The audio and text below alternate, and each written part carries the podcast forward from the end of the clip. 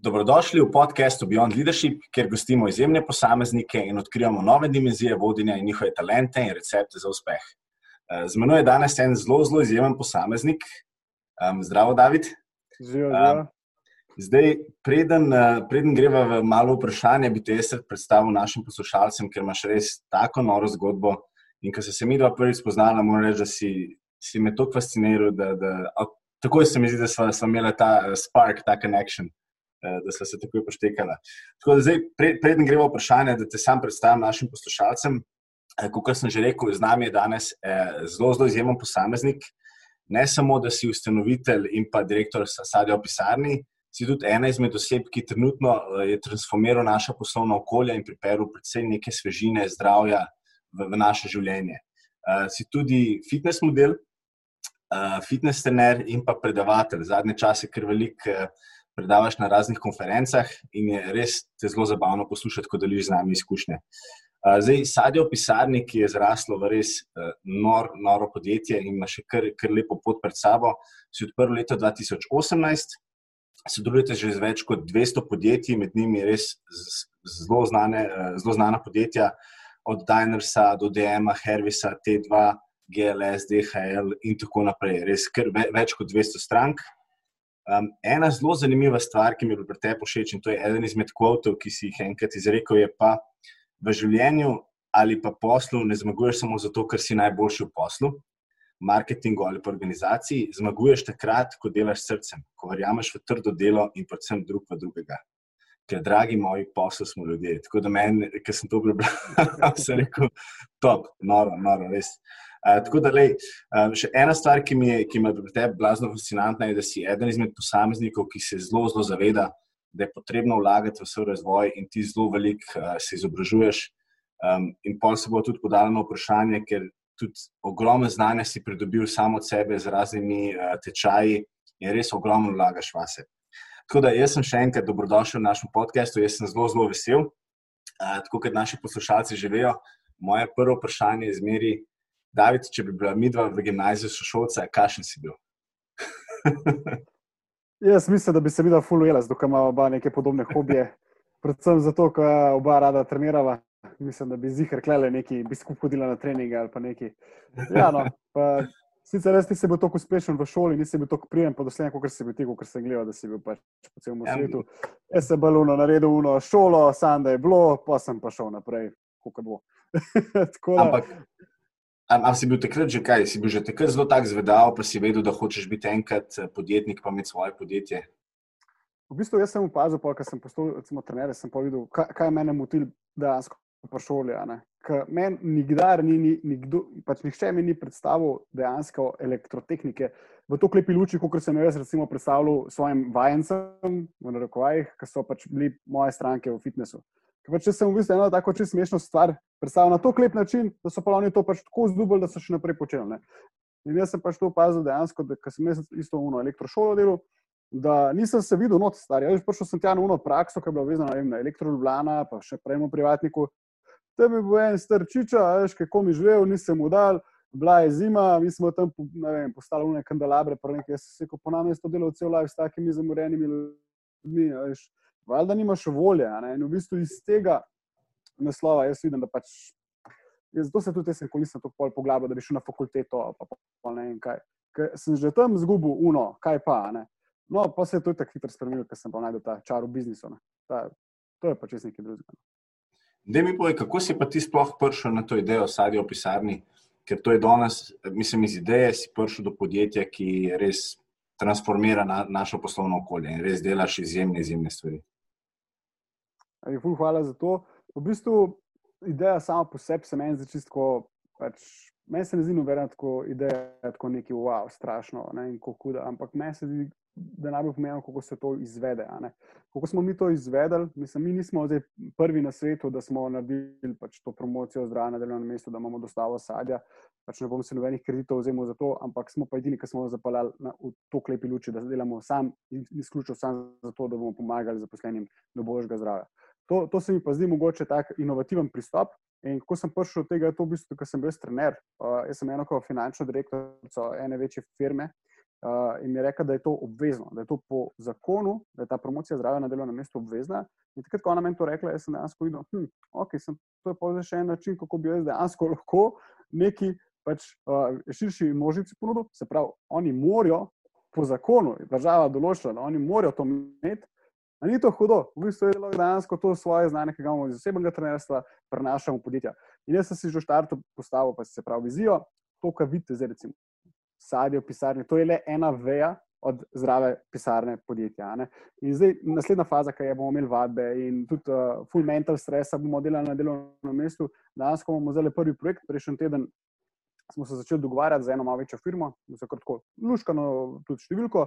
In se me ful veseli, da dejansko smo se iz tega koncepta sadja v pisarni, zdaj se premikamo že drugam. In kako je pol ta sama ideja? Ne? V bistvu, če ti pogledaš, um, ne, mislim, ti nisi bil trener, ampak recimo, ko ti delaš za eno osebo, pa ona osvaja neke določene cilje, cilje ki jih skupaj postavljata, to je res taka največja sreča v življenju. To dejansko pomagaš človeku priti skozi uh, eno točko in on, ki prije čez to točko, on se počuti, wow, jaz sem zdaj končno pač šel čez tisto mejo, ki prej sam nisem mogel, zaradi tebe, da imam končno fanta, zaradi tebe sem končno izgubil 20 kg. In te stvari so res tako blagodejne. Res je pač, eh, pač meni bo življenje tako lepše, ker sem jaz pač postal pač trener in sem pač dejansko pomagal ljudem spremeniti. In zdaj iz tega naslova, kako sem pa pač to sadil za pisarni uh, za furu, je pa pač to, da um, se mi zdi futbol tako lažje kot uh, osebno trenerstvo. Pri osebnem trenerstvu je fuldo ena na ena in je fuldo teži dodajati uh, člane v ekipo, ki bi pa fuldo kot ti. Medtem ko v sadju pisarni, ne vem, jaz sem tukaj le, le ima recimo zdaj moje klice, ima preusmeritev na njo in jaz pač imam zastavo podcast, ona se bo javila na telefone in to je to. Medtem, pa če bi imel zdaj, jaz ne vem, eno stranko, bi pa težko nekdo me zamenil z isto energijo in vse. Mislim, uh mhm. -huh. vsaj mogoče sem bil takrat tako malo omejen, da sem mislil, da lahko vse jaz naredim, ampak jaz vem, da je takrat bila to moja una ključna, zakaj sem se tudi uh, umaknil iz osebnega trenerstva. To je ta why se je zgodil tukaj. Ne. In zdaj tudi vidim, da se lažje skala ta stvar. Kot tudi osebnega trenerstva, če pogledaš tega, je to, kar ne. Vsak drug, v fitnessu, v bistvu, več je bilo v fitness trenerjev v, v fitnessih, kot v bistvu nekih uh, voditeljev. Ne. In pa sem bil uno, je to res bazen, ki je tako nasičen, da sem mislil, nisem sploh več hotel. Pač malo sem, ališ, skozi temno, pač mi ni bilo, nisem se čutil več. Sam si pa, si pa verjeten tekom tega, ko si bil trener, dobil ta čut za ljudi, pa dejansko si delal nekaj dobrega. In v bistvu sadijo pisarni je še nadgradnja tega, ker v bistvu res izboljšuješ, postavljaš nove trende, izboljšuješ okolja poslovna in res delaš dobre, dobre stvari. Ja, ampak če lahko to dodam, v bistvu uh, Viš, mi imamo tako vizijo, res hočemo izboljšati delovno okolje. Vse. In zdaj, če pogledaš čisto na grobo, ne, vi sadjem to delate. Ampak v bistvu, ja, sadjem se začne. Veš, kot neko mehko podjetje, ti ne moreš kar delati neke big, big projekte z nekimi ja. podjetji, ki te sploh še ne poznajo. Ampak zdaj se je to začelo dogajati. Veš, dejansko nam dajo možnost, ne, da bo Lucija predavala v dietetiki, da bo ena Katarina predavala psihologiji. Veš, da bomo imeli pač celo to vse, kar je za dobro počutje na delovnem mestu, da bomo mi pač poskrbeli za vse te aspekte. Ne. In pač tukaj se je treba začeti. Ne. In pač dejansko, če pogledaš, ja, lahko se presadi začne, ker najcenej, pa se pa lahko skala gor. Pa se določa, lahko pa še to dodamo, pa še to, pa še to, pa masaže, pa lahko imaš vse, če hočeš. Samo mi moramo počasi priti do tja, meni se nič ne mudi, tako da počasi razvijamo. Res. Ful dobro. Dej mi povej, um, ko si ti pričel s tvojo idejo, kako si si pa sploh um, postavil ekipo, kaj so bile te glavne stvari, lastnosti, ki so ti bile najbolj pomembne pri ekipi, ki si, ki si jo gradil in jo še gradiš? V bistvu, prvo je to, da se začutiš človekom. Veš, to, pač, vem, ta, ta vibe, ne, da je isti. Hiter začutiš, tako kot sem jaz dobil na kosilo, so tako lahko sprovedla debato. To mi je fulj pomembno, da če bom z nekom delal, da se že klele v jameva z energijo. Se pravi, najprej energija, kar se pa drugih stvari tiče. Na začetku sem full gledal, pač, čisti so v grobem štartu, je, da so bili moj ožji krok ljudi. Se pravi, jaz sem imel vedno backup for backup. Se pravi, uh, moj backup je bil recimo, ne vem, sta bila Klemen, pa Branka, pa še en. Uh, če se meni kaj zgodi, ali bo lahko nekdo mene nadomestil za teden ali dva. In jaz sem tem trem ljudem vse pokazal, sem jim zupal totalno, samo zato, da sem imel backup. Se pravi, najprej sem zbiral tiste ljudi, ki pač sem jim res zaupal pač praktično vse, ker so pač vedeli vse moje podatke in tako sem se naredil nek backup, čisto štartu govorim. Ne. Kako pa zdaj gledam? Ne. Zdaj pa, lej, vsaka faza, ko je v podjetju, vsaj pri meni, zdaj prehajamo iz tega, da so vsi generalisti, v to fazo, da je vsak malo bolj specializiran. Ne. Ne, recimo, le, je vedno bolj v administraciji, v računovodstvu, še vedno ne more biti samo za eno stvar fokusirana, ampak uh, iz, ona se usmerja in jaz se usmerjam, da bo ona tam čim boljša. Ne? In potem jo pač spodbujam, da se v tej smeri tudi izobražuje. Kar pa hočem povedati, je pa to, da vedno bolj iščem uh, ljudi, ki so dobri na umu področju, ki me najbolj pomaga. Ne? Recimo konkretno, zdaj recimo uh, za določene oglase in tako dalje, imam roka, pa mislim Mišota, pa Tima, mi pomagate pri določenih stvarih. Jaz vem, da zdaj v tej fazi, ki sem, jaz sem si pač prekalkuliral v glavi. Okay, če jaz hočem zdaj to korona krizo speljati, kot je treba, in rabim biti na večjih področjih. Jaz konkretno rabim človeka, ki bo na področju, ki ga lahko tudi jaz upravljam, veliko boljši od mene, da se bo dejansko poznalo, ne pa da bom jaz sam nekoga vzel, zato da bo on nadomestil moj del. Ampak je v bistvu res, pač tukaj se res pa zdaj strateško odločam, kdo je boljši od mene, pa koliko je boljši od mene, ali lahko on to nadomesti. Drugač pa pač uh, je brez veze. Tako da zdaj vedno bolj gremo v specializacijo, da so res pa strokovnjaki na tem področju, sploh tam, kar se denar obrača pa za kakšen marketing, ne vem, imaš ti 5 ur budžeta na mesec za marketing, ti hočeš, da se v njih 5 ur porabi čim bolj kakovostno, ne, ne pa da se sam ječe denar. Pač to ne gre tako. No, tako da je pa tudi res, da um, se pač unika so že štarto, pa še ne vem, še recimo Lucija. Uh, ona na začetku ni vedela, kaj točno želi, a veš, in potem tipa v skupaj, kaj je najbolj. Ne. Zdaj, trenutno ona se spušča v content marketing, jo učim v teh stvarih, jo spodbujam, ima tudi svojo mentorico, jo še ona uči in je potem tako. Ne? V bistvu ona je dietetik in ona zdaj iz tega, uh, ker pač je zelo izobražena punca na tem področju, je začela izvajati tudi pač blog poste in s tem tudi posledično se mora izobražiti na sceno content marketinga. Ne? In se mi zdi, da se potem njena, um, ta, uh, ta njena pozicija v podjetju se hkrati, pač, prvo je ona magistra, njej so dala večjo vrednost že na trgu, zato ker ona tako več stvari ve. Ampak tudi ona je najdla svoje mesto v podjetju. Ne? Se pravi, da se ona zdaj z nami počuti, da lahko raste in je to tudi full fine. Se pa tudi pogovarjava, ti je kul, cool, ja, super. Še pa imaš te teske in je pa tako. In kar hočem zdaj iz tega povedati, je pora, da uh, se mi zdi full ta, ta tranzicija delati. Se pravi, čist start faza, una faza, potem, ko mora biti čovek na vseh področjih. Včasih je le, da ima pakirala, ima tam skakala, ima dostavljala, ima uno, ima zdaj pa zmeri ože. Ne? Zato, ker pač terja delo toliko časa, ne moreš pač delati to stvari naenkrat. No, in tako vidim, da um, je pač točno ta del, ne? od starta pa do nekega stabilnega podjetja. Ja, pač pa korakov, ampak v teh korakih se mora pač tudi zaposleni in vodstvo prilagajati uh, vsakemu delu. Ne? Top, ful dobro. Ne, se čist strinjam s tabo in mi je zelo všeč, ker si povedal, da dejansko želiš, da ekipa raste, da so boljši od tebe na določenih področjih, ker se mi zdi, da če ekipa raste, boš tudi ti rastel, bo rastel tudi podjetje, sadje v pisarni. Um, točno povej... to, točno to. E, čak, ja. Še to bi rad dodal, le, če vidiš. V bistvu, uh, jaz v moment, ko sem se odločil, da bo recimo Leja vedela vse informacije o našem podjetju, sem si omogočil, da lahko grem se širiti po, po celem svetu.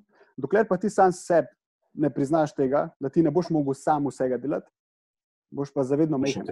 Ja. Kul moment, ki ti klikne v glav, le stari. Če bo kul cool v firmi, bojo vsi hoteli biti kle, vsak gre lahko stran. Ampak če boš ti naredil kul cool ambient, da se bomo vsi dobro počutili, no takrat pa imaš možnosti in za zrastati, pa tudi, da boš lahko sploh upusi razmišljati, kako bo šlo v tujino. Če pa ne boš nobenemu v svoji ekipi zaupal, pa če noben ga naš ti dvigoval, da bo on boljši od tebe, pa, pa ne boš mogel. Ker pač na koncu boš ti najbolj pameten za vse, pa si te bo skozi vse sprašval. Ne, ti moraš druge sprašovati, da ti bo oni povedali, zakaj so se tako odločili. Pa da te, pa boš ti pa rekel, wow, sem res vsaka čas, kje smo to pogrunili. Ja, unga pa unga polovam, pa nekaj. Tako no, ključ, tam recimo. Ne. Točno tako, da se pravi, da si jim dal neko moč, opolnomočil si jih. Da mi pojdi, če gre pa zdaj v kontrosmer, kaj se te pa zdi pa pol danes pomembno, zdaj digitalizacija, trendi, zdaj še COVID eh, nas je v bistvu mal presenetil in bo kar nekaj časa pustil določene posledice. Uh, tako da, glavni izziv je danes kot nek vodja, menedžer, um, CEO svojega podjetja. Kako pa ti gledaš, kaj so pa glavne lastnosti, ki jih mora imeti danes, recimo, vodje prihodnosti, ampak jih imaš ti? Ker je toliko enih stvari, ki, so, ki, ki nam v bistvu skačajo, toliko enih izzivov, ki se pojavljajo. Tako da to mi malo piše. Zdaj, konkretno, evo, meni se zdi, da v tem trenutku je predvsem ta ustrajnost, ki hiter, veš, vsi, tako se ti zdi, da vsi mirujejo. Če ti jaz povem, stari, jaz se v tem letu še nisem ustavil, presežem za več kot dan, pa pol. Pa ne govorim to, da je to zdaj ok, ampak v tem momentu moramo stisniti pa res, res probati vsak dan. Ne, ne, mogoče se smejijo, ampak jaz pa moja ima tako pravilo, pravilo vsak dan en enega zmasira, stari. Basa, fuz zmatrana, veš, otroka imamo, otroke skozi, veš, uno, aj, akcija, akcija, pa še jaz sem fulela, ona mi še ima pomaga, hočem povedati, pač, da treba je biti ful ustrajen, treba je ful skrbeti zase, ful, ful, ful, zato ker to, kaj ene energije, slabe, ki pada na nas, ne, stari, mi se moramo braniti. In braniš se lahko pač sam, z gibanjem. Jaz sem dejansko klele za sabo še fitness opremo, sem si kupil skladišče na ala gym, zato da jaz lahko treniram, zato da Super. se razgibavam, da se prekrvavim, da telo pač ne zamre, da ne atrofira. In probujem pač to vzdrževati, to formo, kot sem jo prej, vsa ta leta, tudi zdaj, pravim, nekako uhranjati. Ne. To je ena stvar, se pravi, uh, okay, da smo pravi, aktivni, ali da smo potrpežljivi, da skrbimo, pa ne samo za sebe, ampak za vse tudi svoje bližnje. Ne, ne vem, le, si v redu, a bo. Ne, tako, pač treba malo vprašati ljudi, ne, kaj veš, stari. Pač imam eno sodelovko, ki je freelancer, ki za me dela. Um, Dela mi opise za, za spletno stran, pa mi je rekla, da ima dedja bonga, da ima COVID. Jaz pa to slišim, ti pa veš, tako skoraj, veš, upam, da ne, kaj na robe še hujš z njim, ampak tako, ko mi ona pove, kakšno paniko ima ona, pa to, pa jaz to, fakt, stari, a si v redu, a, te, a veš, pokličeš. Pač, mislim, da zdaj v tem času je predvsem fajn, da ohranjamo neke uh, relacije, pa da smo še malo bolj topli drug do drugega, ker ta zima je že ponavadi tako depresivna, da pač jo lahko sam pogrejemo z ljubeznijo. Zato pa tudi jaz puščam po vseh kanalih, na dobra volja. Zdaj bomo naredili še eno hudo kampanjo, da bomo pač lahko Super. pomagali pač ljudem, ki so v stiski. Vse je samo na good vibes. No. Se mi zdi, da bi pač mogli imeti fokus pač na to, na dobro voljo, da skrbimo za sebe, da vprašamo ljudi okoli sebe, če so ok. To so neke te uh, trenutnemu ne, vodju. Medtem, ki mora pa še vedno razmišljati, kje je najbolj, da zdaj grize, kje, drage, kje ostali spijo, ki recimo pač. Uh, ja. Glavno, to, to se mi zdi, da je fully pomembno. Se pravi, da skrbimo za okolje, da, uno, pač, da bomo okoli sebe zdrave ljudi, ki so pač čim bolj pozitivni, da jih pravimo dvigati. Na drugi strani imaš pa še uno, kako se bo svet obrnil, kako lahko jaz prispevam njemu čez kakšno dve leti, tri leta. Kakšni so naslednje ovire, ki se bomo z njimi soočali. Take stvari malo brainstormati, to je mogoče za vodjo. Uh, vsaj iz sebe izhajam. Ful, ful dobro, ful dobro. Ne, top odgovor. Meni se zdi, kot si prej rekel, da je zelo pomembno, da ohranjamo še več te topline, še več odnosov. Jaz, recimo, z mojo ekipo imam še več ena na ena pogovorov, klicev, da se saj, da sam zatipaš, kako so ljudje, kako se počutimo. In se mi zdi, da danes, kot si že omenil, je od, od vodje zelo dober, da, ima, da je tudi zelo jasen pri komunikaciji, veš, da skrbi in da, da skupaj z ekipo sprejema mogoče tudi neke večje odločitve, veš, da, se, da se čutijo upete ker se mi zdi, da je to, da je to res overall dobro za, za, za zaposlene, ker se pravi, niso prikrajšani do informacij, pa hkrati dobiš tako njihov bajin in se potem skupaj soočaš z izzivi, ki pridejo. Um, da mi še povej, se pravi, ti imaš res zelo razgiban uh, dan. Um, ker, imaš, ker si v ogromnih vlogah, v ogromnih čevljih. Uh, da mi povej, ali imaš ti kakšno posebno rutino, oziroma kdaj dan začneš, kako poteka tvoj navaden dan, oziroma navaden izjemen dan. Ja, dejansko. Jaz se pravim, zmeraj zbuditi med 4 in 20 zjutraj, da vem, da ko se tako zbudim, res naredim full dnev. Pač, čim ti spiš do 7, 8, kar naenkrat je konc dneva, star res ne vem. In jaz vidim pač. Res, jaz toliko več stvari naredim, pa un zjutraj, ko prijem, sem v pisarno, pa to, pa zrihtam že toliko stvari. Fok se še zbudil, jaz sem že naredil stare, oh moj bog, veš, pač res ogromne stvari. In to je recimo en del. Je pa tudi res, veš, da je določene stvari, pač sem še ocenil, da nimam še dovolj, bom rekel, uh, dela za nekoga drugega, da bi to upravljal na mestu mene, pa pač često naredim sam. Veš, mogoče ni njih najbolj pametno, da jaz določene stvari res upravljam iz avta, recimo, jaz še vedno dostavljam, jaz še vedno pač medtem, ko sem avto, ne vem, sostavim, pa pišem na mail. Veš, in ta isti mail jaz bi lahko v bistvu odpisal, lahko tudi v pisarni. Okay. Ampak hočem povedati, da pač ni nujen, da sem v pisarni, ni pa nujen, da sem v, v, v kombiju. In je fora, da v bistvu ta uh, optimizacija dela in časa, pravimo narediti, da sem na dveh področjih naenkrat. Mogoče res bi bilo lažje, da si več časa vzel, če bi bil nekje za mizo, kot kar v avtu, ampak načeloma sem ocenil, da so te maili čist ok in da nikoli ni bilo nobene pač neke hude napake, da bi rekel, ok, to pa res več ne smem početi. Ampak tako, no, uh, načeloma pač delam, a veš, to, kar je razgiban dan, odvisen. Veš, zdaj, recimo, smo imeli, zdaj imamo petek slovenski zajtrk, bomo mogli pripraviti en projekt, velik, ki bomo, po mojem, tisoč teh zajtrkov pač mogli dostaviti. In je to fulejnih stvari, fulejnega usklejevanja. Uh, kar se tiče tega, ne vem, zadnjič smo snemali video, veš, moram, moram ti reči, da moj urnik nikoli ni isti, zato si ga tudi ne delam, ker pač res. Pač ni, da ni. Veš, kar enkrat prej sestanka, ja, lahko čez eno uro, pol se to nadzivimo, lahko, veš, in pol imamo tam, ne vem, karkoli. V glavnem ni neki, ampak jaz dejansko tako pač probam nekako ob šestih popovdne, da se ustavim počasi, včasih mi rata, včasih mi ne, ampak mi je tudi zelo pomembno, da sem svojim sinom. No. Tako nekako po šesti uri probujem biti res z njim. Še vedno res pač primam zdaj v teh časih telefon, podpišem ne vem, kam je le, ker je pa uno, pa uno, pa še mail pogledam. Lej, tukaj sem res guilty, ampak pač to me je v bistvu, bom rekel, strah pred neuspehom. Zato sem pač tako bolj pozoren na vse te stvari, da jaz vem, da čez en let si bom rekel, hej, ti si da vse od sebe. Karkoli se zgodi na svetu, lej, pač ti si da vse od sebe. Absolutno več kot vse ne moreš dati. In če to imaš v glavi, pol tem kol life, se mi zdi, da ni pol beta, če si ki naredil no. na robe, če ti kaj spoletelo. No. Ja, ja, absolutno. Tako, tako razmišljam. No. In zato se tudi tako zženam zdaj. Zato, ker smo prišli do te zelene veje in sem rekel, da to zeleno vejo imam, držal bom do konca gor, pa karkoli bo. In, in če vem, če bom ta eti tudi držal še na naslednjih 3-4 leta, po moje, da pač do konca življenja jim rekel, da ti si res se pač potrudil. Nočem pa na koncu life reči, da takrat bi pa lahko mogoče malo manj spal, pa mogoče malo manj žuril, pa mogoče malo manj ne vem, yeah. Ja. kaj potoval. Lej, pač naredil bom, kar se da. Ne.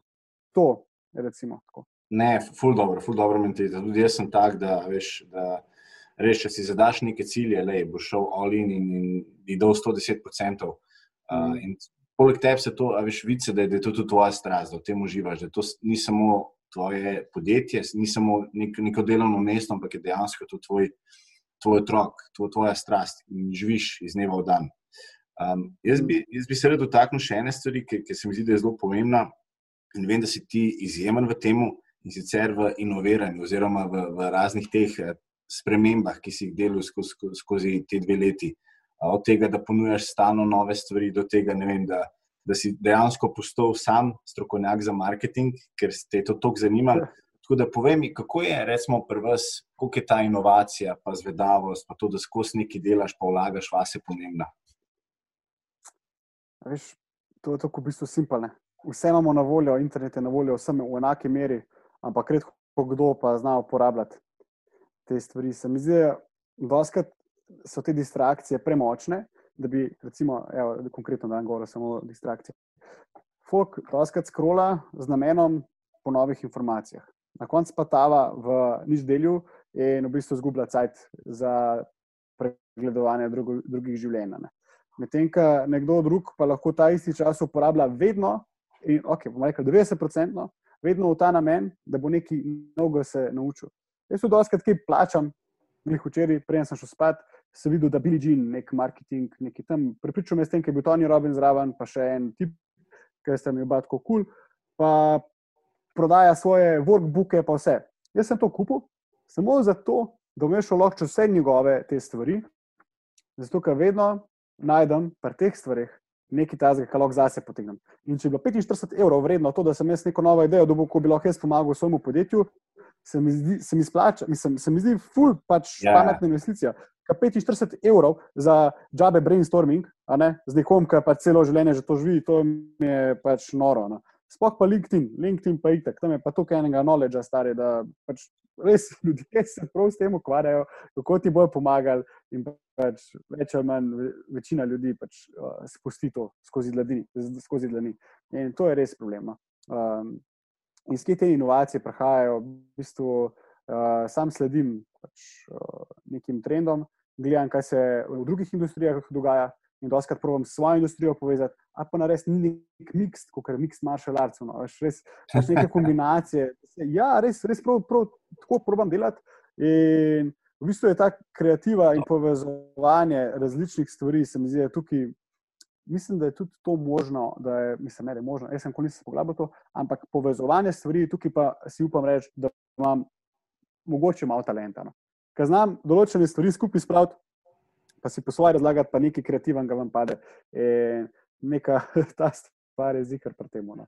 Ker vidim pri pr nas, kako se določene stvari obračajo, pa včasih tako neka smotana ideja, pa je tako genialna, da ne more biti in ful dobro, pa je, se obrestuje. Ja. Se, to, mi, to mi poje, ker to, to je ravno ta lepota podjetja, kot ste vi, ker dejansko imate res lepo rast, lahko ste zelo inovativni, lahko se recimo zelo igrate. Kako je pomembno, da dejansko se igraš, pa da delaš napake, pa da testiraš? To je verjetno zelo pomembno. ja, to je najbolj. V bistvu, uh, glih včeraj je bila debata, uh, če bi dal, le, ena slika nam je performala na Instagramu štirikrat boljš kot vse ostale.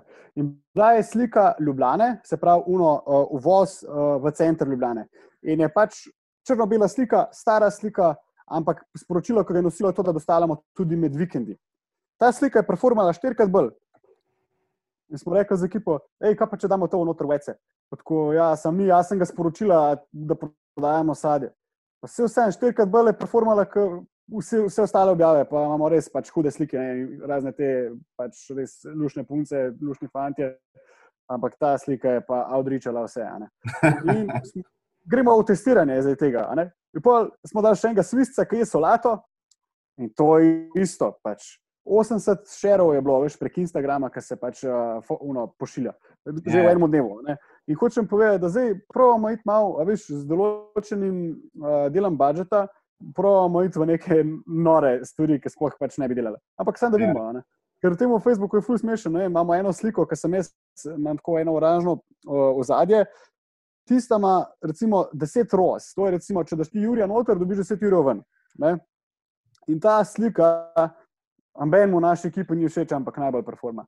In pač se pogovarjali, pa rekel, očitno na tem Facebooku, kar koli mi naredimo, kontra, kar je nam všeč, očitno tisto bolj deluje pač, ni jasno. Je treba testirati. Jaz dejansko, če pogledaj, zdaj sem se fuldal uh, tako, pač ful enega energije in časa v to, da imamo dostavo solat po celi Sloveniji. Ampak to je mogoče pol, ker se bo stvari normalizirale, malo boljša ideja, kot je zdaj, ker lej, dejansko smo edini, ki ti dostavimo solato tudi v Kranjsko goro, če smo čisto iskreni. Tako da uh, zdaj ta, točno ta stvar pač ne pije toliko vode, kot sem mislil, da bo. In pač treba testirati. Vse nisem zgubo. V bistvu imam še vedno materijale, še vedno imamo vse te stvari postavljene. Uh, še vedno pač pravimo prodajati, še vedno delamo blagovno znamko v tej smeri, da pač prodajamo to zadevo. Je, mogoče pa bo ne vem, neko podjetje čez uh, pol leta, ki se bo stvari pomirile, upam, da se bojo pomirile, pa naročilo te solate, ki pač ostamo kjerkoli. Ampak, a veš, fulej energije in časa dajemo določene stvari, pa na koncu nič iz tega, ampak nisem jezen, zato ker pač še vedno sem se nekaj novega naučil, ok, tukaj to, tukaj to, to to, to je zanimivo. Zdaj pa, če ne bi več probil, pač ne bi več probil. Absolutno ne. Jaz, jaz vem, da sploh ti si pa tista oseba, ki pa blazno veliko testira. Pa jaz vem, da so se tudi pogovarjali, ti si, si recimo, rekel, da je ena taka stvar, uh, ki ni, ko bi rekel, standardna, oziroma ki je en tak oglas, ki ti pokaže, pa ti dejansko ni jasno, si ti prva oseba, uh, ki vem, da bo šlo to raziskovati, ja. pa googlati, pa dejansko na koncu skoraj doktorat. Ta, ta konkreten primer ga lahko umestim, kaj smo naredili. Mi smo, po mojem, eni izmed prvih, ki smo na LinkedIn-u začeli conversation ads delati v slovenščini. In to pomeni tako, da mi smo delali, uh, se pravi, naredili smo eh, pač, uh, angliški video, da nas je LinkedIn spesal naprej, da nas je spustil.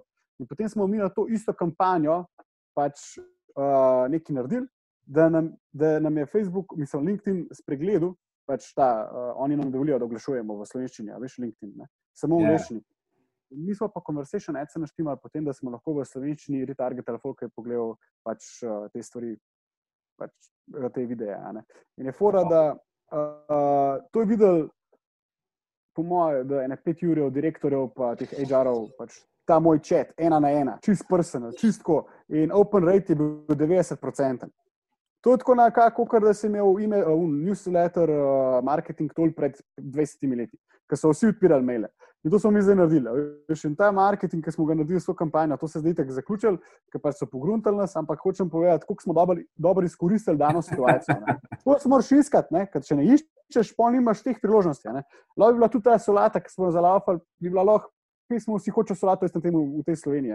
Ampak pač trenutno se še ni tako premaknilo, kot sem pač pričakoval. No. Ni nekih bajnih zaslužkov. No, Da nam malo piške, po mojem, si danes uh, ljudje sploh ne predstavljamo, kaj to zajema, da mi dobimo neko košarico svežega sadja v pisarno. Pa nam predstavljamo, kako sploh to, kako, ti, ti moraš verjetno velike količine naročiti, potem to sadje pregledati. Da nam malo ta postopek sploh opiše. Ja. Ja, ja, načeloma imamo tako, no, različne dobavitelje imamo. Zdaj, recimo, konkretno dobimo iz Hrvaške te mandarine. To si predstavljate kot prijena paleta. Ne. Pa prije paleta jabolk, prije iz Štajerske, pa prije pa dve paleti banan, a ne zdaj trenutno delamo z rastodarjem ful. Ampak tako, pač, pa so pa še te manjše stvari, veš, od teh ananasov, avokadov do limon, vsega. Ampak to načeloma pa tako pristane v hladilnici. In v teh hladilnici mi pol pakiramo. In to je treba spakirati za vsako podjetje malo drugače. Vsak ima nekaj svoje želje, jaz imam pa tri sobe, jaz hočem imeti šest škatel, jaz imam 15 nastropi. Vsak mu treba se prilagoditi in je to treba biti fulj pozoren, da res vsak dobi un kos sadja, ki so mu ga obljubili. Ker pa še moraš vedeti, da recimo firma, ki ima 700 zaposlenih, oni imajo res pa določeno, ne vem, tri sadeže na zaposlenega. In pač oni morajo dobiti tri sadeže, ker pač je pol slaba volja. Što je kaj mehen vrtec pod. In pol, ja, jaz sem nubo, ja, jaz sem si vzel dve slive, jaz sem štiri, ne vem, lej, pač to je ful enega krega. Ampak hočem povedati, da pač mi, kar naredimo, je v bistvu to storitev, da zrihtamo hudo sadje, in da ga prepakiramo v te lušne zabojčke, ki so pač pokriti, da ni glitko, da recimo naš korir hod, da noter diha v sadje, ima recimo masko, pa pa še pokrit čez papirjem, da res pride v čim bolj snažni obliki na delovno mesto. Tako da to je čisto na kratko, kaj počnemo. Pa pa, ne vem, zdaj se pravi, zdaj hočemo našo storitev povečati s temi delavnicami, smuti imamo že nekaj časa, solate, to vse polterja še dodatno, v bistvu še eno podjetje. Ne. Ja. Da bo nekdo delavnice prenesel v firmi, izvajal, pač, če priješ ti, ne vem, v Johnson Johnson ali pa neko hudo firmo, ti moraš vedeti, da ti moraš performant on top level. Ne. Zato smo pač tudi, ne vem, jaz policija uh, so šla na, na tečaj javnega nastopanja, na tečaj uh, delavnic, kako furati. Sem plačal ful enega denarja za to, in je pač treba to, te stvari znati, da ne delati. Ne moreš tega prijeti, kaj en. Pač, ja, ja, ja. ja. Niso to ne, neka podjetja, ki bo svojim zaposlenim vzela čas, da boš ti pol tam neki kvačko brez veze. Oni hočejo vedeti, kako dela in da je to pač tako, kot treba. In, ja, tako nekako ta delovnik. No, pa, ti, kako se je pa zdaj, recimo, ne, ne, super. Kako se je pa, recimo, vaš poslovni model zdaj, ki je spremenil tekom te, tega našega izziva, eh, COVID-a, ki je prišel? Ma ja, jaz nikoli nisem želel, da bi, bila, da bi bili mi neka spletna tržnica. To mi je bilo ful, ful, ful muka. Na začetku smo itak se najprej prilagodili v tej smeri, da smo pač uh, malo drugače delali kot ostali, da smo naredili vem, tri, štiri pakete. Uh, ne, bil je zdravko, uh, sadni raj, pa spomladanko, pa zelenjavko, neki tazga, štiri zabojčki. In te zabojčkov, vsega pojurja so kupili med COVID-om, prvim valom. In je fora, da mi smo pač hotel rešiti, rešiti problem pač cele Slovenije, da pač imajo vsi na voljo sadje, zelenjavo in to je to. Ne? ne boš si ti izbiral, pa še pol česna, pa še pol čebule, pa ne vem kaj. Ampak pač takrat, ko je bil, bil tako velik strah pred tem, da pač ne bo več dovolj hrane. Takrat je bilo to mogoče narediti, ker so vsi, če je bila volja na voljo kupiti v neki spletni trgovini, brez čakanja, so takoj vsi kupili. Ne? Mi nismo imeli čakanja več kot eno, en dan, in mi smo vse dostavili po celi Sloveniji, to, kar je bilo na voljo. Ampak zdaj, po tem drugem valu, pa zdaj malo drugače. Zdaj sem pa mogel cel šop spremeniti, vse izdelke noter, dati vse slike, vse opise uh, in se čim bolj prilagoditi publiki, zato ker zdaj pa strah. Strah je čist na dnu, ne? prej je bil strah kle, zdaj pa strah na dnu, okuženost je, okuženost je pa kle. Glih kontra. Yeah. Zdaj, ki je kontra, folk še vedno hodi v, v te štacune in si kupujejo pa tam vse stvari. Je pa tudi res, da pač, uh, so se tudi malo te večji tekmeci, te večji trgovci, malo bolj pripravili zdaj. Ne? So pač vsi ti razni prevozniki stopili k njim v, v okrilje in jim pomagali z ostalimi. Tako da zdaj nekako tako bom rekel, zdaj ni neka nekakšna bogatija, ampak uh, pač smo nekako na zeleni veji še vedno, da nam ni težko. Ni nobenega manjšanja plač, nobenega, da bi kaj odpuščal ali pa karkoli. Še vedno se držimo je pa res, da ful, ful, ful več delam in tudi ful, ful, ful, ful več se trudimo, vsi skupaj, za rezultat, kakršen je. Ker vem, da če bi se že takrat tako trudili, kot zdaj, bi bilo samo še bolj hudo. Pa je bilo že prej ful hudo, zdaj pa pač imamo manj, ampak pač točemo, kaj zmišljeni, tako rekel. No. To, ne, noro, noro, noro. Sploh, ki te poslušam, se, se, se vidi, da imaš, imaš tukaj ene energije in se mi zdi, da imaš res, do, da si si postavil izjemno ekipo. Um, Deva se še malo dotakniti um, časi so res, res taki eh, posebni in ti, ki si prišel na to idejo, si to zelo hitro popeljal v projekt, v podjetje in zdaj res imate že več kot 200 podjetij. Um, da je bil ta trenutek, jaz temu doskrat rečem, oziroma mečani temu pravijo, da je moment, trenutek, ki si ti vedel, da to je pa lahko taka velika zgodba. Tukaj pa jaz ne samo, da bo sadje, da bo solate, smuti, da bo izobraževanje, tukaj jaz lahko naredim res toliko enih stvari, uh, ki so dobre za podjetja, za, za, za ljudi nasploh. Da je prišel ta trenutek, oziroma ali je že prišel? v bistvu, kaj je bilo že danes, nekaj se mi je zgodilo. Ena, okay, to je bil en izmed, aha, večjih je bilo, aha, ampak zdaj rekel tega zdaj na koncu. Dejansko sem tudi tebe, tebe vprašal za nasvet. Ja. Da mi je res ena gigantska firma ponudila, pač, da bi kupili delež podjetja. Top, Viš, top. Pa, pa ne samo to. Ena druga firma, več iskreno, v zadnjih desetih dneh me je šest firm kontaktirala, če bi marketing grihtel.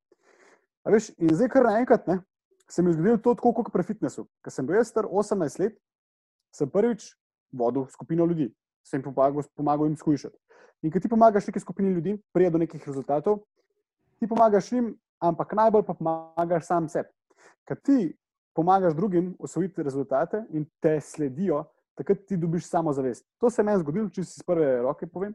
Ja. In takrat sem jaz čutil, da jaz pa mogoče nisem kar en, da mogoče pa moja beseda ni pač kar neki, mogoče pa bi lahko malo bolj verjel vase. Ne? In isto se mi je začelo dogajati v podjetništvu. Reč se meni so rekli, drugače pač tudi ti, ki si me spoznal, nisi vedel moj v zadju, ti si meni tako rekel, wow, ne. Pa, ja, ja. Nisi ti prvi tip, jaz sem rabo to slišal že fulk velikrat, ampak uh, to sem slišal že res velikrat, ampak je fora, da te enkrat klikne in to ti lahko klikne, ali je to desetkrat takih, uh, ti pa res fulk tako razturaš, ali pa pol ta malo večji, ker ti ne bo res ponudil malo večji denar za delež podjetja. Ja, ja, ja. In ta klik, ta uno, ki te porine naprej, da stari, mogoče pa ti lahko usvojiš cel svet, se pa zgodi v teh fazah. Ne? In če sem čisto iskren, pač vsi izhajamo iz te uh, skromnosti. Sem skromen, bojim se na glas govoriti, da jaz bom uspešen, da, bom, da, da delamo, vem, da bomo letos pol milijona naredili. Pa take stvari, a veš, ne upaš si govoriti, zato ker se bojiš, kaj pa reka, kaj pa boš. Zato ker nas ja, učijo. Ja v Ameriki pa čist drug mindset. Veš, tam v Ameriki te najprej vprašajo, kako prometa narediš na let. In to je, to je uno, da, veš, da se pogovarjate. Ja, ja. Če se z nekom pogovarjaš, ti komi pove za plačo. Pa ne bi rabila biti tako uh, skrivnostna. Ampak, aha, moment, kot si rekel, pa mislim, da ga še vedno uh, prejemam, ampak sem pa pogruntu, da jaz sam sem kar sem, delam, kar sem, trudim se in se stvari same obračajo, same se odpirajo. Ne vem, kaj točno delam naj, uh, dobro, uh, v, konkret, v, v kontekstu, kaj delam dobro, uh, v vesolju, energiji, karkoli, kar mene res spremlja, fulveka sreča. Ne vem, že sam to, vem, da imam zdaj uh, ful pač uh, podporno okolje. In doma, in v firmi, da me vsi spodbujajo, veš, da se povezujem s takimi ljudmi, kot si ti. Veš, en podoben, en borut me je isto, kot si ti. Evo, uh, mislim, da se med celo ti pove, povezal z njim. Ne vem. Veš, kako sem prišel, po, uh, kako sem prišel vem, na Majn podcast, kako sem prišel na STM konferenco, ker skozi se neki, pač, veš, skozi se neki povezuje. Pa da ne rečem, da sem bil v financah, da, da sem bil v financah, pa na 24 ur, pa ne vem, kaj je v uh, Bizi. Oni sami nas kontaktirajo. In mi ni jasno, kaj, zakaj. Jaz pač pravim, jaz, jaz sam delam, kar delam, pravim biti ful dobro človek, ful se pravim truditi, pa pač delamo pošteno in to je to. In na koncu se stvari same lahko odvijajo. Ne? In ta kepa, ki se zaenkrat začne kot elite, fulj težko ustaviš. To sem po gruntu, da v bistvu se počutim v trenutni situaciji tako neustavljivega. Malo me je zabrenzel marca, ko se je ena uh, COVID scena začela, ampak uh, čez par dni, ko sem se zbistril, pa sam gremo še bolj. Veš, zdaj sem opazil, da takrat sem mislil, da, da sem full uno, veš, kao, da se full učim, pa da sem full prodoren, ampak šele zdaj vidim, da v bistvu, kar sem bil prej, ne, v bistvu ni to. In to je kar si me vprašal. To je tvoj ta uh, heroj ali nekaj ta. Ne. Veš, ja, ja. Enkrat sem imel od Dunga Matthew McCanny, kako se izgovori. Ja, ja. ja, ok. No, iz, njego, iz njegovih besed je ta v bistvu. Ne.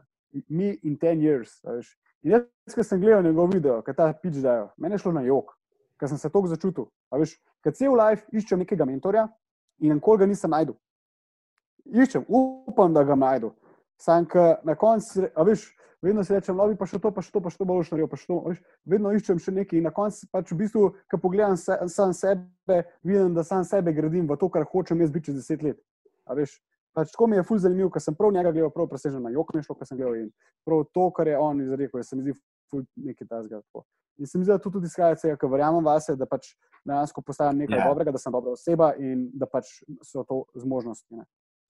Veš kaj, kaj se mi zdi, kot si rekel, ne? če ti.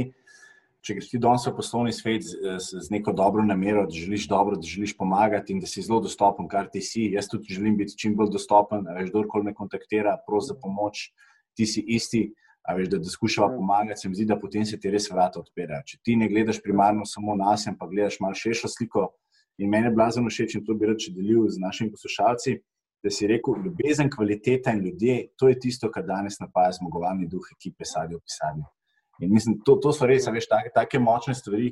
Um, in kot si tudi prej izpostavil Ameriko, jaz sem štiri leta živel tam in ker sem prišel v Slovenijo, sem, sem tudi Beyond Leadership poštartil s tem namenom, da se začnemo pogovarjati, veš, da se spozna uh, v Sloveniji, kje so izjemni, kje ste izjemni posamezniki. Veš, da David uh, je poštartil iz, iz, iz ideje v dveh letih v podjetje, ki dejansko ima danes že predrati te čakajo. Ponudniki, ne, da bi si še nato tvoj partner. Veš. In to so take izjemne zgodbe, ki se mi zdi, da se treba čim več pogovarjati. In jaz sem res vesel, da, da, da se ti to odpira, da imaš toliko idej, In eh, si tudi oseba, ki jaz definitivno jo večkrat in te še bom včasih se še na svet vprašal, sploh glede marketinga.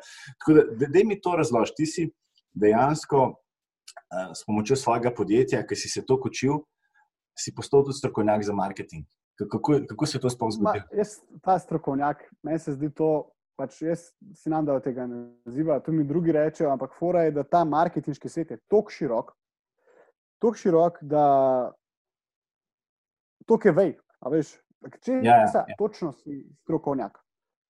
Če si točno, veš, jaz kar lahko povem, je to, da sem lahko strokovnjak za starta podjetje, kako delati z budžetom, kako povezati določene ekipe, da boš čim bolj profitabilen, kako pač speljati kampanje v svojih okoliščinah. Ne moram reči, da bi jaz isto furu za neko večjo firmo marketing. A veš, ker tam je potem že vsak malo bolj za vsak svoj sektor.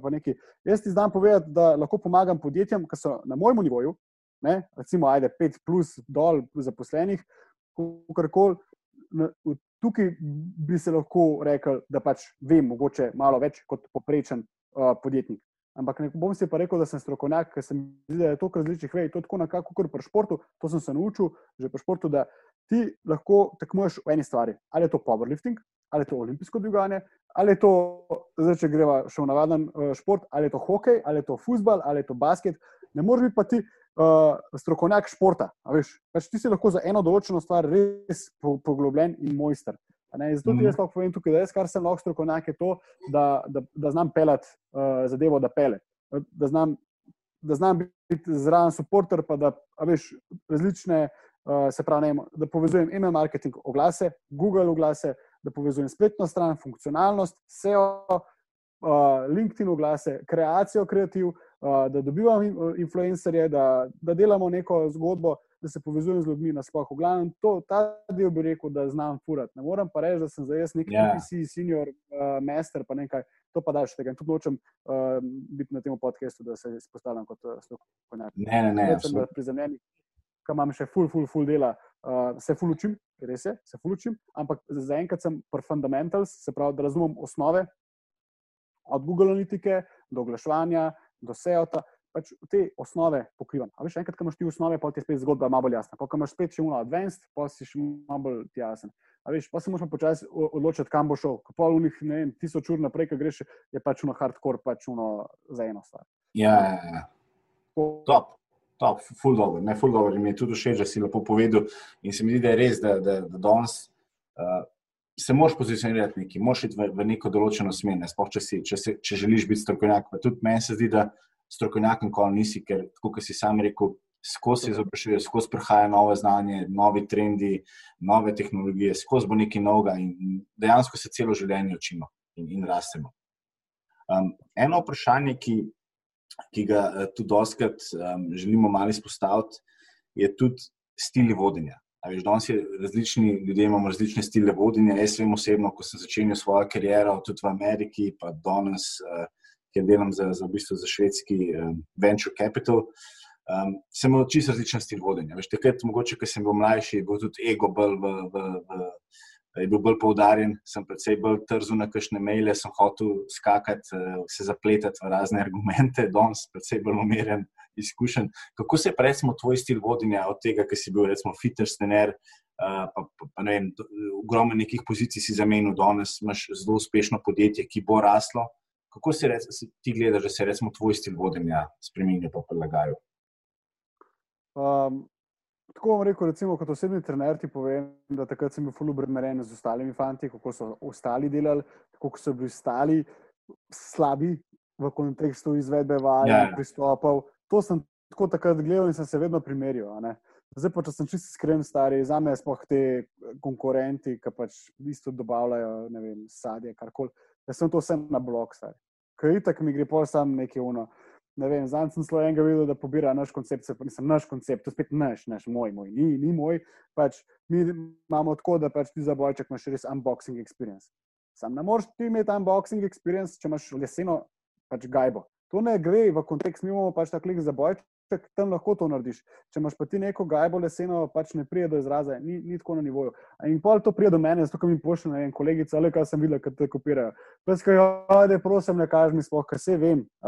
Mi se ful bolj ukvarjamo s tem, oziroma tudi sam, kako bi bil boljši in se sploh ne provam ozirati na te ostale, kaj delajo, kako delajo, kaj za kaj delajo, sploh me ne zanima. In to je recimo ful velika razlika, kar sem opazil pri sebi, da pač se sploh ne provam čim manj, kaj itak, ankoli ne veš, kaj konkurence planira, recimo Rework knjiga, uh, tam je konkretno to napisano, se pravi, lej, džabe gledati konkurenco, kaj itak, kako ne veš, kakšen je njihov next move, niti ne veš, ali bojo propadali, ali bojo, pač, bojo preživeli, nič ne veš. In ti skozi eh, lahko analiziraš, kaj dela konkurenca, kar nekaj uno, ne da. In na koncu nimaš skoraj nič od tega, razen to, da si pač, ne vem, tam pogledal, da so se tam skopirali, pa tam, pa tam, pa tam. In da je cit. Pač probam tukaj ful spremeniti. Ne. Kar se pa tiče egota, pa mogoče, ker sem bil mlajši, pri 18 letih, zdaj sem 27, da sem imel takrat, pri 18-20 letih, da sem imel mogoče une ego tripe, veš, kdo je jači. Ampak zdaj pa ti moram reči, da meni je to, ko sem. Jaz res, da imam 100 kil, pa da sem fuvelik, pa ne vem, kaj. Fok misli, da sem kaj medvedek, v bistvu, pa me spoznajo. Veš. Ampak tako na hitro, veš, pa za brit model, pa uno, veš, ta, tam neki, da bom rekel, te puco ali pa kaj. Veš, tako. Pač, fok misli na prvo asociacijo, lega, ne, kaj kriminalci si na. Ampak ni, ne, v bistvu sem full, pač nice guy, stari. Res, pač, full sem in pošten in prijazen do ljudi in se mi zdi, da pač, tako na. No sploh nima več, ego mi je, če sem. Lahko se mi folk, doskrat se mi folk hvali, koliko so oni hudi, kako oni služijo, jaz sem tako hudo. Ja, se vam treba, le. Vsakmu prvošmo, ne? vsakmu čestitamo za zmago. Da, le, ja, Povej, kako, pa ti, kako pa ti pa poskrbiš za, recimo, za svoje zaposlene? Ker vem, da ti si v bistvu uh, pink, oziroma zdravljenje delovnem mestu, to je tvoj core business, uh, pa izobraževanje. Kako pa ti, recimo, za svoje zaposlene poskrbiš? Evo, ta se mi zdi ful taka, ta se mi zdi ful taka lepa.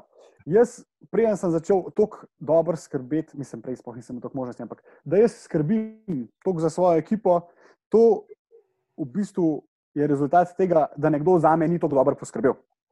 Zato, ker jaz sem imel vodjo, ko so me nategnili, bom rekel, smo bili zmenjeni za določeno plačilo, na koncu sem dobil drugačno. Jaz sem bil un, ki so me izkoriščali, da sem ne vem, za dve, tri ure v neko restauracijo, takrat je bilo peak hours, pa so rekli, sej to je sam za enkrat, veš, izkoriščanje. Ne? Potem, da uh, boš ti sam to za nas posnel, bomo že nekaj ti plačali, pa se je pozabil, pa so, vem, pa so te žalili, pa so te, uh, ne vem, pač vedno si bil un, ki je mogel, un punčka za vse, un, da uno, yeah. ki si ja. mogel na koncu. Jaz sem bil un, pač, veš, ker vse to da očes, zato da jaz moji ekipi tega ne dajem.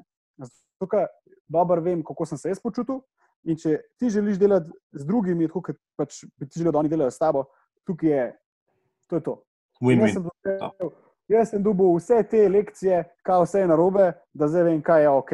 In ko mi delamo v sadju pisarni, res pač. Ne vem, izobraževanje je to plus ali minus, kako koli. Če jaz upam, da s tem, ko motiviram svojo ekipo, ki jih učim, jaz presežem vsako kampanjo, ki delam. Recimo, vem, uh, pač vem, da tudi punce moje tudi hoče biti neki, hoče iti na svoje. Lej, če bojo one hodili na svoje, super. Ampak lej, jaz ne moram odločiti. Ne? Se pravi, pusti rožico, da se ti, veš, ne pa trgati. In jaz, če ja. imam možnost, da pokažem neko znanje, pa da jim razložim, zakaj imamo mi zdaj to tako in zakaj imamo zdaj to tako, jim dam. In to je recimo, kar jim dajem za svoje znanje iz prve roke, pač praktično pač free. Pač znano so, ki ja. ga vidimo. To je ena stvar. Okay, zdaj ponovno smo masaže ufurali, ampak zdaj, kaj je korona, itak pač ne moramo. Ne? Zdaj pač uh, so rekli, da raj ne. Ok, imamo to, pa imamo skozi neke kombuče, imamo neke une vitamin V pijače, pa imamo une beljakovinske tablice. Pa ne vem, kako smo imeli vsi vsak dan malco, a veš, ko smo full delali. Uh, kolega je imel restauracijo, mi sama restauracijo, pa sem rekel, da dajmo podpreti njega, pa še vsi v naši ekipi, ki nas je bilo takrat 80, uh, vsak dan bojo imeli malce na voljo. In sem poskrbel tudi za to. Pol, vem, recimo to, da imajo na voljo tudi fitness kle, da imajo kavico, da imajo pač sadje vsak dan na voljo. To so neke stvari, ki se meni zdi, da bi mogla imeti. To vsaka firma pošlihta. Se pravi, da se prvo počuti človek, ki pride na delovno mesto cenjega in da pač ni tako, da je prišel nekam študentsko delo opravljati pred desetimi leti. Ker tam ja, sem ja. prišel za 4 evre delati na uro, pa je že uno, oh, imam 4 evre na uro, mislim, zdaj 4 evre na uro je pa katastrofa. Kar se pa tudi, tudi tiče plusa, ne? Moja vizija je tako, da bi dejansko svojo ekipo naredil, da pač si sami odločajo, kdaj bo delal, kdaj ne bo delal. Ne? Se pravi, določene stvari pač moraš, ne? ampak določene stvari, ki pa lahko počakajo, pa nekaj, pa da si sami določijo. Ne? Da ne bom jaz rekel, da ti moš pa vsak dan biti ob sedmih kle. Čeprav bi lahko isto naredila, tudi če bi ob devetih prišla. Ja, ja. To ja. fleksibilnost. To je ena stvar, ki bi želel narediti, pa tudi ta uh, dopustovanje. Meni se zdi, da bi lahko ta koncept, uh, koliko dopusta ima nekdo to malo spremeniti. Ne vem še čisto točno kako, vem, da je slažje izhajati, ker imam tako manjšo ekipo, ne vem, kako je pa, kam imaš 50 plus zaposlenih, ampak hočem povedati, da pač to, da ima nekdo na voljo točno 21 dni dopusta in da je to se mi zdi malo tako, da je malo te duši.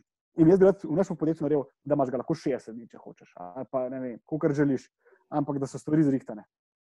Ja, to je ta point, to, to se meni zdi, da bi mogli narediti pač uh, future to do uh, podjetja. Ker recimo jaz tudi vidim pri teh, uh, mimo full teh, res high, high class uh, firm in ne vem, kako oni lepo delajo z njimi. Veš, da imajo team building, da imajo masaže, da imajo tam smutje, zdrave, da, trke, da imajo skozi neke, a veš, te za dobro voljo. Ja, ja, ja. Tega bi moglo biti še več, zato ker prišli smo se do te točke, da določen programer za unih 500 evrov ima itek že vse. On ima itek že uno bajko, ima ženo, že vse zrihtan, kar bi rad imel, sam še mer tam, ki prije delati, pa da je kul. Cool, uh, veš, tako si predstavljam, ne? da na koncu ni več toliko denarja, ampak je samo to, kakšna kultura je. In zdaj, če jaz rekrutam nekega pač, malo čudnega tipa ne, v našo ekipo, pa da bo klem motil celo naš, uh, cel, cel naš vibe, ki ga imamo, pač, lej, uh, mogoče da bi mogli malo se uh, kolektivno odločiti, kdo bo prišel v našo ekipo. Veš, da smo res kapek, da ima vsak svoj jaz, pa da ne, se pogovorimo. Veš, da je ta dobra energija. Ne. Tako, To se mi zdi, uh, kar sem hotel povedati. Ja. na kratko, na kratko. Ful mi je všeč, no, res, eh, da, da tako lepo skrbiš. Tudi ta knowledge sharing se mi zdi ful, ful pomemben. Uh, tudi jaz sem mnenja, le, da kot se že prej nekako prišla do te ugotovitve, da je treba čim več znanja deliti, veš, čim več si treba pomagati, ker pol ekipa raste, pol vsi rastemo. Dej se še malo dotakniti, kako pa ti pol poskrbiš recimo, za tvoj stres. Kaj, kaj so kakšni tvoji hobiji, če se veseliš, kaj počneš. Se pravi, klej le zadnji, klej ja. imam bench, 250 kg teži. Tako malo jaz tukaj malo treniram, drugače imam pa zdaj neko novo stvar, neke take špičke so, nek, tako, ko se že reče, akupunktura, ne, akupunktura, ne vem točno, kako se reče. V glavnem, ležu se in so take špičke, in te ful prekrvice v hrbet. To me je ful blagodejno za hrbet, ker pač ne vem, ali no. se nekaj laufam, nekaj dvigujem. To mi res pomaga, ker mi res prekrvi cel hrbet. Pa, pa tudi z moja se ful masira, se, sem rekel na začetku, vsak, vsak dan en, enega zmasira. S tem, da jaz takrat, ko njo masiram, moram še svojega sina zmasirati. Sam, ej, ampak veš, učim svojega sina, da se tudi on nauči skrbeti zase, že od mehanga. Ker to pa nas niso naučili da je poskrb za sebe. Veš, pa tudi tu, ne smeš šokati, ne smeš šokati. Ti kar je oki svet, lej, ni panike. Pa če se rečeš, samo si ti kar da je ven, veš, če te kaj pesti. Tako probam pač. Uh, Lej, pač mora reči, v teh časih, zdaj, smo, ne, da si ti skozi doma zaprt, pa to, pač, to je zelo najbolj šubi Bože. Jaz sem drugače puno okol, pač delam, uh, moja mogoče zdaj ima več s svojim, uh, mislim, z najnim sinom in je pač uh, mogoče ona tudi obremenjena. In ko prijem dan, je treba narediti to energijo doma, ne, da pač je tudi doma ok. Ne, da pač se veš, če boš. Uh, Če bo mama ok, bo otrok ok, in če bo, če bo to na dol ok, boš tudi ti ok. Pač ja. Mi, deci smo ponavadi tuni, ki na koncu, pač, mi smo uni na koncu, uh, smo na koncu. No. Najprej mora to biti to, pa je pa vse ostalo ok. Ampak načeloma, pa le, jaz sem star 27, se pravi koliko imam zdaj energije, jaz skozi govorim, če nam zdaj, kdaj bom, najbolj da se zdaj skozi počivam. Jaz sem rekel, tam nekje do 40 bom še pač tako se lomil, kot zdaj, pojem pa mogoče za 10 posto zmanjšal, pa potem z leti spet malo zmanjšal. Ampak uh, si pa ne vidim, da bi se zdaj lahko okay, jaz počit, pa da bi kakšen ta burnout imel, pa neki, pač za enkrat se še v redu počutim, vse štima na telesu, tako da jaz mislim, da je to. Um, da mi še povej, kje pa ti vidiš, recimo, sadje v pisarni, oziroma kaj je tvoja vizija, kaj bi bila tvoja želja, ne vem, čez par let. V bistvu, čez par let je že malo dolga, to bo zdaj, kmalo. zdaj dejansko delamo na konceptu, da bo pač ga možen internacionalizirati. Imam še dva mentorja, ki mi pomagata pri tem. In je fulj zanimivo, ker v bistvu se dejansko neka ideja, pa neka ta stvar. Uh, bil sem tudi v Münchnu, no, moram omeniti, pač dejansko je tam isto kot v Kranju, ne, pač sami naši ljudje. Rekel, pač ni tako neke, uh, ne zdi se mi nedostopno iti po celem svetu. Včasih se mi zdi, da je to nemogoče. Zdaj pa pač, ko vidim, da dejansko nek koncept K deluje, da če ga uh, pač izpopolnjuješ, da delaš na nivoju, vedno bolj in bolj in bolj in bolj, da pač je to to. Kako vidim čez pet let, v bistvu, kar hočem jaz reči, tudi v podjetju, da se vse avtomatizira v kontekstu, da je vse jasno. Ker zdaj, recimo, neko startup podjetje nima čisto jasno definirano, kako se česa lotiti. No, in to je prva točka, ki mi pač zdaj delamo na njej. Mm. Da je vsakmu jasno, kaj mora delati, da ni uno preveč. Uh, prepuščeno na ključimi, in tako dalje. Ne. To je zdaj neka prva točka, kar se pa tiče naprej, pa ni nujno, da je to moje prvo in zadnje podjetje. Pač zadnje cajtke imam v nekih ponudb pač za te uh, kot uh, pomoč pri marketingu, rekel. In me tudi to malo veseli. Zdaj, po svoje je to zdaj spet tako. Na eni strani, da meni ljudi, ki bežijo iz tega sveta, hočejo to trgovino. Jaz mislim, da je pač vsak ima nek svoj čar. Ne? Ampak načeloma pa. Uh, Ta, ta del bom še pustil, kako se s tem delom vidim, vem pa za sadje pisarne, da pa če bomo tako gnali naprej, da bo pač slejka prej v vedno večjih. Je pa res, da v sadju pisarni uh, se vedno tudi bolj spravljamo v neki produkt, nek fizičen produkt, tako da se ga lahko tudi malo bolj skala. Da ni pač uh, sadje, pa zelenjava, ki prvo je fully občutljivo, pa mm. fully je pač težko, ne, tudi za transport, pa rok trajanja je kratek in je tukaj fully težko pa skalati te stvari. Tako da vidim pa pač potencialno. Morate pač tudi vedeti, da pač je tukaj sadje, pa zelenjava. Se mi zdi, konkurenca je, pa je ni. V bistvu, fule na ceno dol, ni pa na added value. Neč, ne? Vsi grejo, čim nižja, čim nižja, čim nižja cena, ne dajo pa vrednosti v drugačnem pomenu, razen pač ta kakovost. Ful, ful je teh cak, pol, ne, skozi. Ja, ja, ja. Jaz pa ful nočem iti na to ceno. Tako mat, hočem narediti modrca, da gremo še nekaj drugega poleg tega, ne, to me zanima. No. Ful dobro, top. E, to, ful, mene res, pravi, ker so se spoznala, so takoj kliknila, se mi zdi, da res zelo, zelo dobro razmišljaš. Tako da smo isto v teh pogledih. Pevaš, pevaš malo na tvoje osebno življenje, kaj David eh, Žalec počne. Um, pravi, okay, poleg fitnesa, kaj, kaj imaš, recimo, kaj je tvoja najljubša hrana ali pa najljubši app, da nam malo zaupi, kaj, kaj te kaj. Fuh. Zdaj, recimo, tu trenutka, ki si mi poslal mail, da ne napišem, kaj je najboljša hrana, mi je bil suši, ki ga že dolgo časa nisem imel. Ker sem, sem pa full lačen, kaj sem že prej neki sanjal, neko uno mehiško. Veš, pač tako, meni to malo varira, meni to ni skozi isto, meni pač ja, paše, ja, kar mi paše. Kar se tiče aplikacij. Aplikacije, zdaj, tako, ta uh, evo, LinkedIn se mi zdi zakon, trenutno. To, se strinjam. Ja. To, ki mi je všeč, pa ne samo zato, da, tu, da te fulno gradi z organik ričem, ampak tudi tako, no, ko vidim potencial, ki ga drugi ne vidijo in pač tam, ko oglašujemo, pač se mi zdi zakon. No. Uh, pa tudi mi, veš, ko imamo tako, da z B2B sveta. Fum je všeč, ko v bistvu s tem, kar gradim, sadje pisarni, gradim tudi svojo blagovno znamko, ker pač tudi, da vidim, da pač želim tudi, da enkrat v Sloveniji neko. Kao podjetnik, a veš, tako pač se mi zdi ful pač pomembno, da ni samo podjetje, podjetje, ne, kot sadje pisarne, ampak tudi sebe gradim. Zato sem tako aktiven, recimo na LinkedIn-u. Ja, ja, ja. Aplikacije je tako, no, mislim, odvisno od situacije. Zdaj, recimo, če sem čisto iskren, sem tudi Adobe Premiere Pro, pa Adobe eh, Photoshop, sta mi ful všeč, pa YouTube, jaz tukaj pač dosti delamo na teh stvarih. Ampak eh, to je uno, veš, hype, ki ga na novo spoznaš, pa pa probaš še čim več in pa krviš, ko vse je možno. In, ja, no, to je tako. Ja, vem, pa tudi no. spletno stran imamo. Tudi to je, veš, veš aplikacijami jih je več, ki jih imam red, ker so mi všeč, kako so to naredili, kako to hudo, kako uporabno. Ne. E, nimam neki. Rekel, kaj, pa, kaj pa recimo, kakšna serija ali pa kakšna knjiga, ali kaj ta zgodi? Uh, dejansko narkos mi je bil ful všeč ta serija, ampak drugače pa teh uh, serij ne gledam, ker nimam pač zdaj spoh cajta. Uh, knjige jih imam pa en kup, Uh, recimo Ryan Holiday mi je všeč pisatelj, predvsem ta na to temo, zdaj kaj je. Trust me, trust me, I'm lying. Je fora, da mi je ful všeč, ker takrat, ko sem jo prebral, zdaj točno razumem, kaj delajo mediji v Sloveniji. Vsi praskajo za te klike, zato čim bolj un, uh, naslov napišejo tako, da boš ja kliknil gor, ker tako napišejo naslov, da je najhujša stvar se zgodila na svetu. Samo yeah. Ja. da klikneš.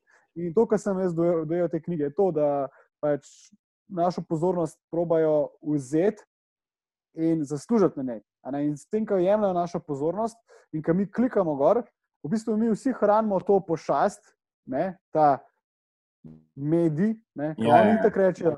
Ja, če pa mi ne bi napisali tega naslova, pa nikoli ne bi noben kliknil. Vse je res, samo pa kje je pa meja. Mislim, to, kar se zdaj dogaja s temi mediji, zdaj sploh ne vem, kdo je pre, a, a izbran predsednik ali ni izbran predsednik Amerike. Jaz to gledam bolj zaradi delnic, ne zaradi drugega, ampak najprej Trump, pol Biden, zdaj spet Trump, kaj zdaj, a veš, ne veš, mi gre živce, to, uh, kar kradejo našo pozornost in uh, veš, nam daje neke informacije, ker težko je pa nazaj zavrteti, pa zbrisati to. Veš, recimo, ne vem, da ti zdaj nekaj prebereš v 24 ur, v tej restauraciji so bile miši.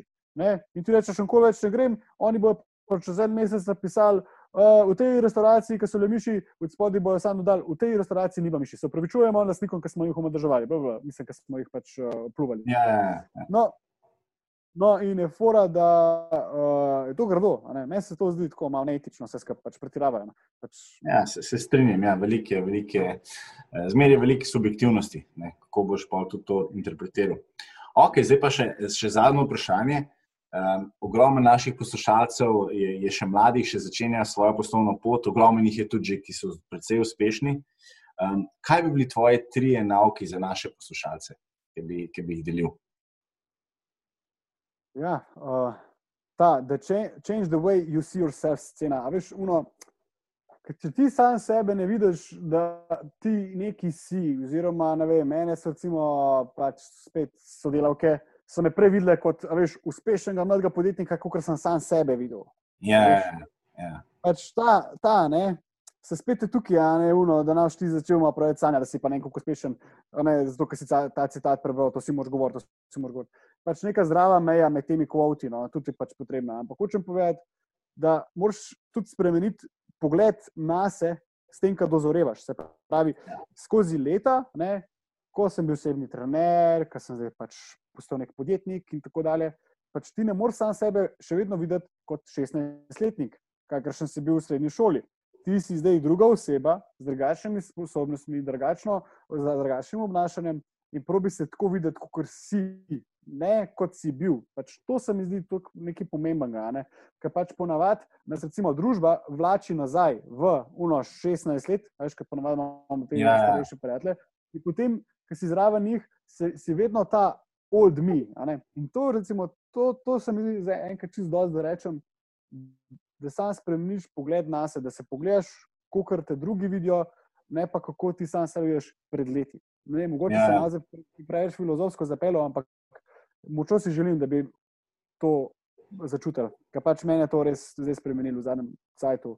Uh, fulno. Nisem si mislil, recimo, da bom eno leto toliko stvari naredil, kot sem jih letos. Pač, to se stane. Zdaj, že skoraj konec leta. Uh, na začetku leta smo si dali zdaj cilj, uh, jaz sem se hecel. Dajmo en cilj tak, da bo res nerealen.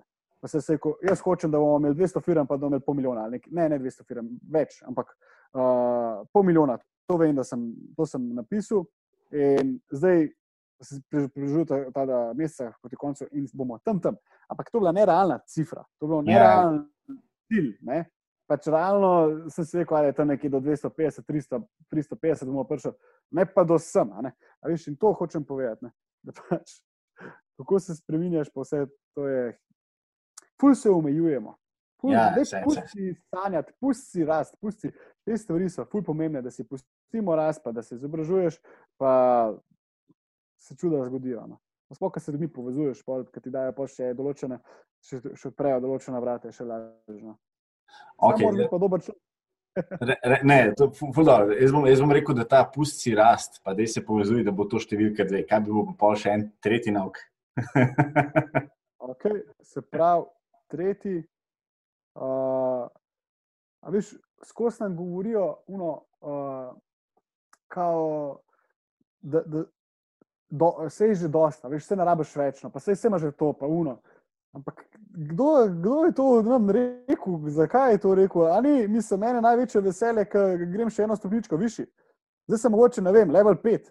Ne? Se ne rabim sanjati o level 20, lahko pa sanjamo level 6, in ko sem 6, gremo 7, level 7, 8 in tako dalje. Hočem povedati, da nikoli ne rabiš biti tuno uh, zadovoljen pač s trenutnim stanjem mislim, lahko si zadovoljen, to je fulano, ampak da si pa čisto popolnoma uno, ker zdaj pa nam več neč, ker greh v tem je keč, ker ti skozi nekaj loviš. Vsaj za moške lahko govorim, da vemo, da jaz, jaz osebno, ala hunter, a ne hočem ja, nekaj ja. ujeti, nek cilj. In meni je to največje zadovoljstvo v mojem življenju. Lej, super je tu z mojim sinom biti, ampak imam pa večje zadovoljstvo, ko osvajam določene cilje. Pač ne vem, ali sem tako narejen, a veš, da sem tako, ne vem, ožičen, kako pravijo, ne? ampak meni je to največje veselje. Se pravi, da vedno se potegujem uh, za više cilje. To, to me najbolj napaja. No. Ne vem, kako boš to povzel, ampak. ne skrbeti, bom, bom, bom že uredil. V glavnem, jaz sem ti hotel se še enkrat, David, zahvaliti. Eh, se pravi, da boste poslušali, z nami bo David Žalec, ustanovitelj in pa direktor podjetja Sadio Pisarni, eh, inovator na področju, eh, bom rekel, transformiranja poslovnega okolja in hkrati skrbi za nas, skrbi za nas ne, da bomo še bolj zdravi, pa še bolj ozaveščeni. Tako da, David, jaz bi se ti res še enkrat zahvalil, ker si se odzval po vabilu. Jaz vem, da boš še veliko stvari ustvaril naprej in jaz sem vesel, da smo, lahko, da smo prijatelji in da se lahko tudi doskrat slišal, pa si izmenjava mali izkušnje pa mnenje. Ej, Mark, ful, hvala. Ful mi pomeni to, ful si v redu oseba, tudi res tako car. Nisem si mislil, veš, ker si tako velik, pa to sem bil tako malo nadrkan ker to vsi mislimo, veš, od nas, ja, ja, ja. ki bomo malo mišic, tako mislijo, ta je zihar neki. Ja, ja. Narci, neki vas je zagledan, veš. Ponavadi je vedno to, veš, ja, strašiš se malo, ne? in pa si delamo predsotke. Tako da, ja, nisem se tudi jaz, res je, pač ta prava oseba, topla. Super. V glavnem, najlepša hvala, želim ti veliko uspehov, veliko sreče in hvala, ker si bil z nami. Mama, Lenko, še kdaj.